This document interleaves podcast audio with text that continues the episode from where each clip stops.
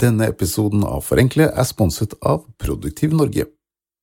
Jeg er spesielt fornøyd med dette samarbeidet ettersom Produktiv Norge er stedet å lære seg GTD, eller Getting Things Done, som er produktivitetssystemet jeg selv har brukt for å forenkle hverdagen i snart ti år. For å stresse mindre og få ting gjort, gå inn på produktivnorge.no. I dag har jeg valgt å dele noen tanker om valg. Det engelske ordet 'decide' det kommer fra det greske 'desidere', som betyr å kutte av eller å kutte vekk. Og det er det vi gjør når vi velger. ikke sant? Når vi sier ja til noe, så sier vi samtidig nei til noe annet. Og vi er ikke særlig glad i å kutte vekk ting. Det er gjerne sånn at vi vil ha det både i pose og sekk hvis vi kan. Vi er liksom redde for å gå glipp av ting. Vi er redde for å ta feil valg, og så er vi redde for de uante konsekvensene av valgene som vi faktisk tar. Og det vi velger vekk, det er andre valgmuligheter, ikke sant? Det er lett å tenke at valgmuligheter er det samme som frihet. Og hvis det stemmer, er ikke da flere valgmuligheter mer frihet? Med flere valgmuligheter så følger det også flere valg man er nødt til å ta til enhver tid. Og det kan være ganske slitsomt. I denne episoden av Forenkle skal vi se på noen historiske valg som har forandret verden, og du får høre hvilke tanker en forsker, en regissør, en psykolog og en produktivitetsekspert har om det å velge. Jeg skal snakke med folk som velger veldig rasjonelt, og andre som heller følger magefølelsen sin. Hvordan forenkler man det å velge i en hverdag som har et hav av muligheter? Dette er Forenkle. Podkasten hvor du kan følge meg, Ove Kenneth Nilsen, når jeg leter høyt og lavt etter de beste hverdagsforenklingene.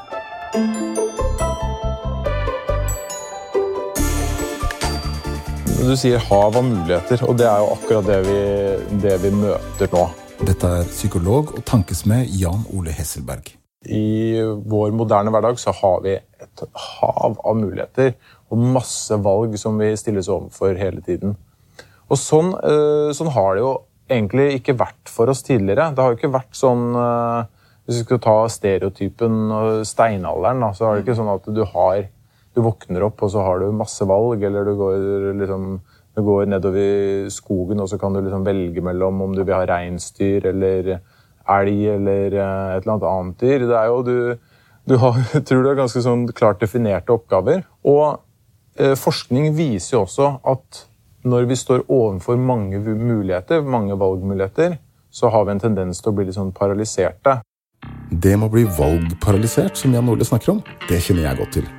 Og det er kanskje noe jeg har opplevd mest når jeg er i USA, hvor de er veldig opptatt av utvalg og valgmuligheter og sånn.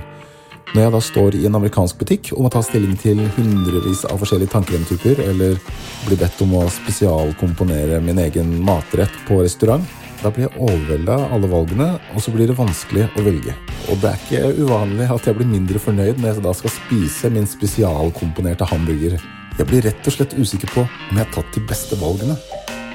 Men sånn liker de å ha det i USA. De ser på valg som frihet. Valg frihet. Men da jeg dro til Japan, da opplevde jeg noe som var mer eller mindre det motsatte. Da kunne jeg gå inn på en restaurant, en sushirestaurant, og så kunne jeg bestille en omekase-meny. Og det som skjer da, er at du betaler litt ekstra for å slippe å velge. Da tar kokken alle valgene for deg. Av og til så er det faktisk veldig ålreit å ikke ha masse valg.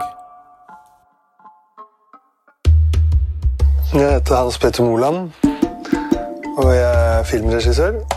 Eh, I perioder av livet mitt, spesielt når jeg er i klippeprosess, så går jeg stort sett i de samme klærne. Det å klippe film er å sitte midt i en endeløs prosess med utrolig mange valg. Og da er de valgene og alt det du har hodet fullt av, det er nok. Så det å måtte velge om man skal ha sånn eller sånn klær på, det orker jeg ikke å forholde meg til. Så da har jeg gjerne fire-fem T-skjorter eller uh, skjorter eller noe som er gjerne makne. Og så er det, er det, valget tatt. Og det holder jeg på med et par måneder. Så det, dette er faktisk ganske nye bukser, da, fordi vi låste klippen på en film for noen dager siden. Så den har jeg ikke brukt på tre måneder. Flere av verdens mest effektive mennesker, som Steve Jobs og Mark Zuckerberg, til president Obama og, og til og med Albert Einstein, har alle innsett verdien av en forenklet garderobe. Det vil si at de enten har et skap full av likeplagg, som Hans Petter Moland har, eller så sørger de for å ha færrest mulig klær som er enklest mulig å kombinere. Ikke bare sparer du tid, penger og stresser mindre av dette, men du blir mer effektiv på jobben også. Det er fordi selv trivielle valg som hva du skal spise til middag eller hvilke klær du skal ha på deg, det koster mental energi. Så ved å luke vekk så mange unødvendige valg i hverdagen som mulig, har du mer overskudd til å fokusere på de viktige tingene. Så det koster å ta valg. Og ikke minst så påvirker mengden valg vi tar, kvaliteten på valgene våre. Og det er noe som kan ha noen ganske alvorlige konsekvenser. Her er Jon Ole Hesselberg igjen.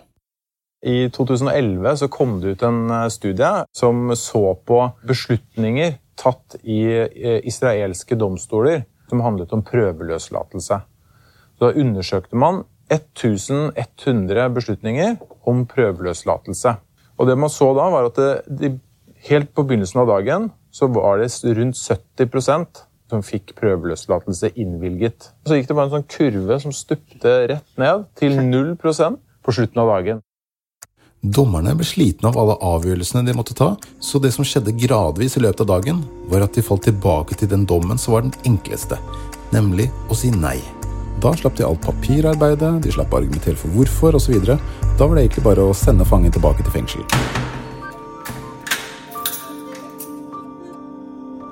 Det er som regel på ettermiddagen og kvelden når viljestyrken har fått kjørt seg litt i løpet av dagen, at vi tar de dårligste avgjørelsene. Det er gjerne da man sprekker hvis man forsøker å slutte å røyke eller slanke seg eller hva det nå måtte være. Så det er greit å ha i bakhodet. Men de fleste valgene som møter oss, er jo menneskeskapte. Hva gjør egentlig dyr når de velger? Dette er zoolog Petter Bøckmann. I dyreriket så tas det ikke så veldig mange kompliserte avgjørelser. Det er litt sånn skal jeg stikke min vei eller prøve å spise opp. Og når dyr tar avgjørelser, så er det stort sett sånn at de har et ferdigskrevet atferdsprogram som de følger, som forteller dem hva det er de skal gjøre. Så det er ikke egentlig så veldig mye valg de foretar seg. Og vi mennesker kan jo også ha det sånn. Hvis vi blir redde nok, eller sinte nok, eller kåte nok, så er det alle disse instinktene våre som overtar, og så gjør kroppen vår valg for oss, og så er det egentlig ikke vi som velger helt aktivt selv. Rubicon var navnet på en elv i Nord-Italia på Julius Cæsars tid. For å forhindre borgerkrig var det forbudt for romerske generaler som kom tilbake fra krig, å krysse elven med militærstyrkene sine. General Cæsar hadde en høne å plukke med senatet, men stoppet først ved Rubicon mens han vurderte konsekvensene av en eventuell borgerkrig. Cæsar ville ikke lage mer salat enn nødvendig, og han visste at når han først hadde krysset elven, så var det ingen vei tilbake. Til slutt så ble Cæsar sint nok, redd nok eller kåt nok og krysset elven med de berømte ordene 'Terningen er kastet'.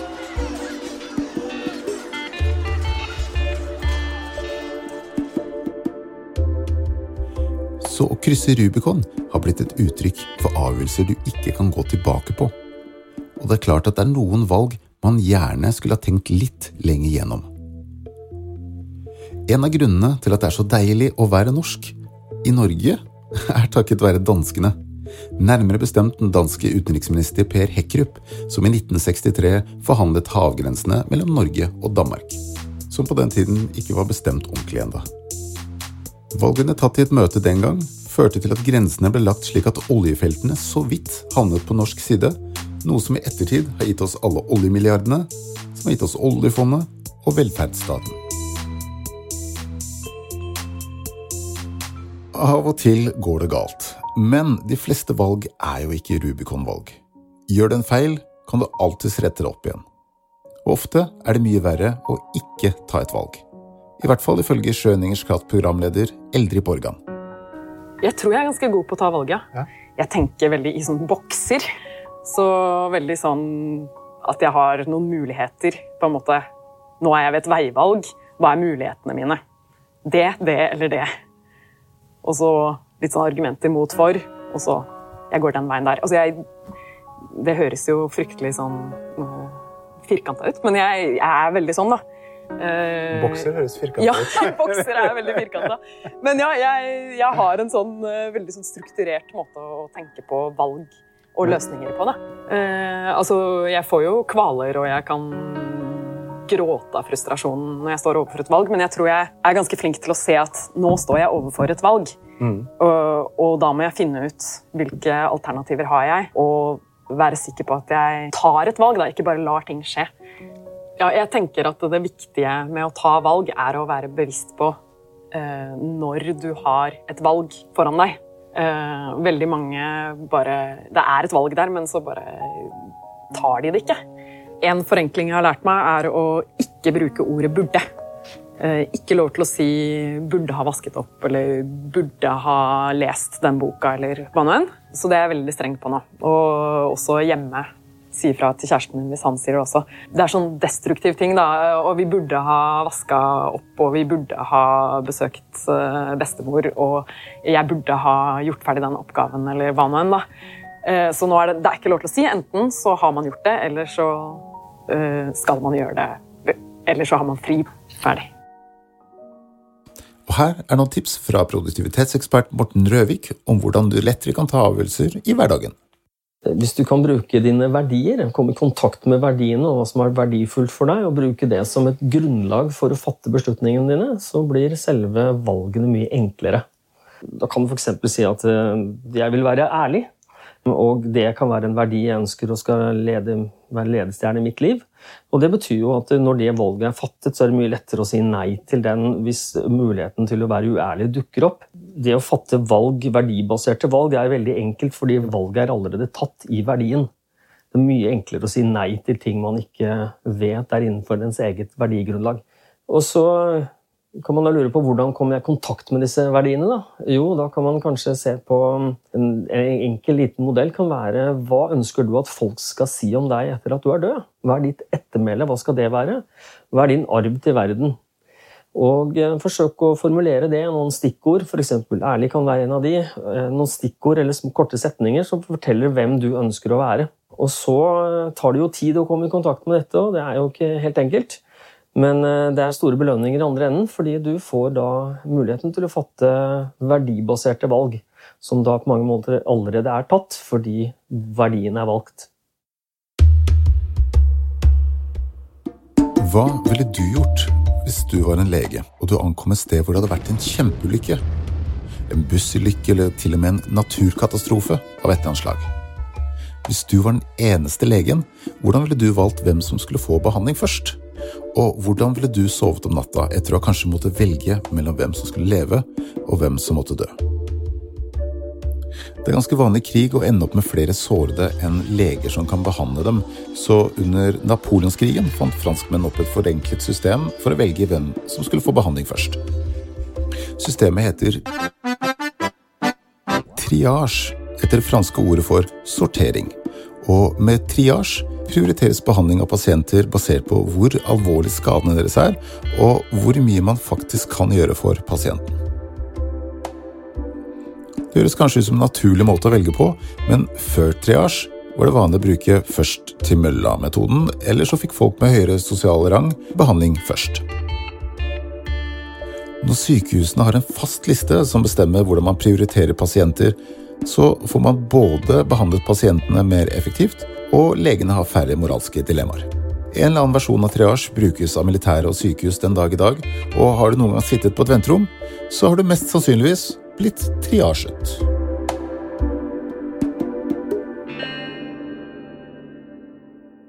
Det finnes mange smarte systemer der ute, men naturen har jo også gitt oss noen verktøy vi kan bruke når valgene blir for vanskelige. Dette er hjerneforsker Espen Langnes. Det er en del studier som viser det at hvis du skal ta noen store beslutninger, som f.eks. å kjøpe hus eller ny bil eller et eller annet sånt, så er det smart å ikke grave seg for mye ned i detaljene. Ikke fokusere på alle aspekter og undersøk absolutt alt med dette huset. Da blir du mindre fornøyd enn om du da setter opp noen få, kanskje en håndfull med ønsker. Så blir du mer fornøyd. Man gjør jo ofte det motsatte. Man undersøker jo ting i hjel. Mange gjør det når du skal kjøpe deg et hus. Jeg kjøpte hus på Eson. Det blir følelsen av å være der, gitt at jeg allerede vet en del ting om området jeg kjøpte hus i. Jeg vet hvor stort det er, og jeg har undersøkt at det ikke er noe feil med huset. eneste som gjenstår da, liker jeg dette eller liker jeg det ikke? Og det er jo bare to valg. Hvis jeg ikke liker det, så, så er det, spiller ingen rolle. Kjempefornøyd med at jeg ikke kjøpte huset. Liker jeg det? Kjempefornøyd. Jeg har også snakket med et par artister som bruker følelsene når de skal ta valg. Her er artist Mira Craig og Steinjo Grieg Halvorsen. Hvis jeg har et veldig vanskelig valg, så bruker jeg ofte lengre tid på å velge. Eh, jeg utsetter valgsprosessen så lenge som mulig. Kanskje jeg har to muligheter, to veier å gå, og det er positive og negative ting med begge. Og det det ender med da, er at jeg rett og slett må bruke gut feeling. Hva føles mest riktig? Jeg mener at hvis du følger hjertet ditt 100 eh, i et valg, så tar du ikke feil valg. Det å ta valg er jo ikke alltid svart-hvitt. Eh, jo mer komplisert og vanskelig valgene er, jo viktigere er det å lytte til eh, magefølelsen sin. Det gjør i hvert fall jeg. Eh, de gangene jeg ikke har gjort det, så har jeg gått eh, skikkelig på trynet. Av og til så er det rett og slett for mange faktorer å ta stilling til sånn rent logisk, så da må man bruke instinkt og magefølelse. Her er zoolog Petter Bøckmann. Instinkter og magefølelse har litt med hverandre å gjøre. Et instinkt det er en ekstremt sterk vilje til å gjøre én ting istedenfor en annen ting. Hvis du f.eks. er ute og går på en veldig høy og vaklevoren bru, så har du ikke lyst til å gå bort til kanten og kikke ned. Det er instinktet som taler til deg. bare sånn, Ikke gjør det, gutten min, du vil faktisk overleve. Når vi har magefølelse, det er gjerne i sosiale situasjoner, så er det hjernen vår som jobber litt sånn på frigir. Hjernen vår mottar masse informasjon hele tiden. Og veldig mye av det registrerer vi ikke at vi tar imot engang, men hjernen den får det med seg. Og så jobber hjernen, og så ser hjernen i forhold til hva jeg har opplevd før, hva er andre ting som foregår. Denne situasjonen liker jeg, eller denne situasjonen liker jeg ikke. Hvis du er i ferd med å bli lurt i en forretningsdeal, f.eks., for eksempel, så er det noe med måten denne fyren snakker på, som gjør at du har en litt ekkel magefølelse. Ta Hør på den magefølelsen. Dette er millioner av år med finstilt evolusjon som har gitt deg evnen til å tenke på denne måten. Min magefølelse er at jeg burde legge opp til en hverdag med færrest mulig valg. Kanskje det er noe av det man oppsøker når man drar på hytta eller andre steder hvor det er færre ting å forholde seg til. Når man da har færre valg, så får man automatisk eh, litt mer sånn overskudd til å være til stede, kanskje. Så hvorfor ikke prøve å gjenskape noe av dette her i hverdagen? Det tenker jeg jeg skal gjøre. Det kan du også, men det er selvfølgelig helt opp til deg. Neste gang har jeg en samtaleepisode igjen, og da skal jeg snakke med gründer og multikunstner Jan Vardøen. For hvis det er noen som har knekt et par forenklingskoder, så må det vel være denne mannen, som er nødt til å være en av de mest produktive menneskene jeg har møtt. Jeg tenker at eh, hurtigheten er kanskje nøkkel til eh, forenkling. fordi jeg orker ikke å sette i gang ting hvis jeg syns det er veldig kompliserte. Jeg gjør kompliserte ting, men jeg tenker ikke så mye på det. Jeg bare går på, og så rydder opp underveis. En liten sånn apropos sånn helt på tampen. Når man skanner hjernen på en person som prøver å bestemme seg for noe, så kan man se at den underbevisste delen av hjernen din den tar avgjørelsen opptil seks sekunder før den bevisste delen av hjernen din i det hele tatt skjønner at den har bestemt seg for noe som helst. Så når alt kommer til alt, så har vi kanskje ikke så mye vi skulle ha sagt uansett. Har du noe på hjertet, er det bare å kontakte meg på forenkle.no eller på Facebook, og jeg tar mer enn gjerne imot lydopptak eller videoopptak av dine beste forenklinger. Forenkle produseres av Hokus Fokus Creative, og produsent er Jon Anders Clausen. Ansvarlig for musikk og miks er Preben Grieg Halvorsen. Jeg heter Ove Kenneth Nilsen, og til neste gang, husk at det meste blir bedre ved å forenkle det. Denne episoden av Forenkle er sponset av Produktiv Norge, som er stedet å lære seg produktivitetssystemet GTD. Lurer du på om GTD er noe for deg, kan du gjøre følgende lille eksperiment. Finn noe å skrive på, og lag en liste over alt som svirrer rundt i hodet ditt. Skriv ned alle oppgavene du vet du må gjøre, og alt du trenger å huske på. Og alt du trenger å huske på at du skal huske på. Skriv til du ikke kommer på flere ting, og kjenn hvor lettere du blir bare ved å få frigjort plass i hodet. GTD er et sett med teknikker som gjør at du beholder denne mentale plassen, og samtidig gir deg oversikt og kontroll i hverdagen. For å stresse mindre og få ting gjort, gå inn på produktivnorge.no.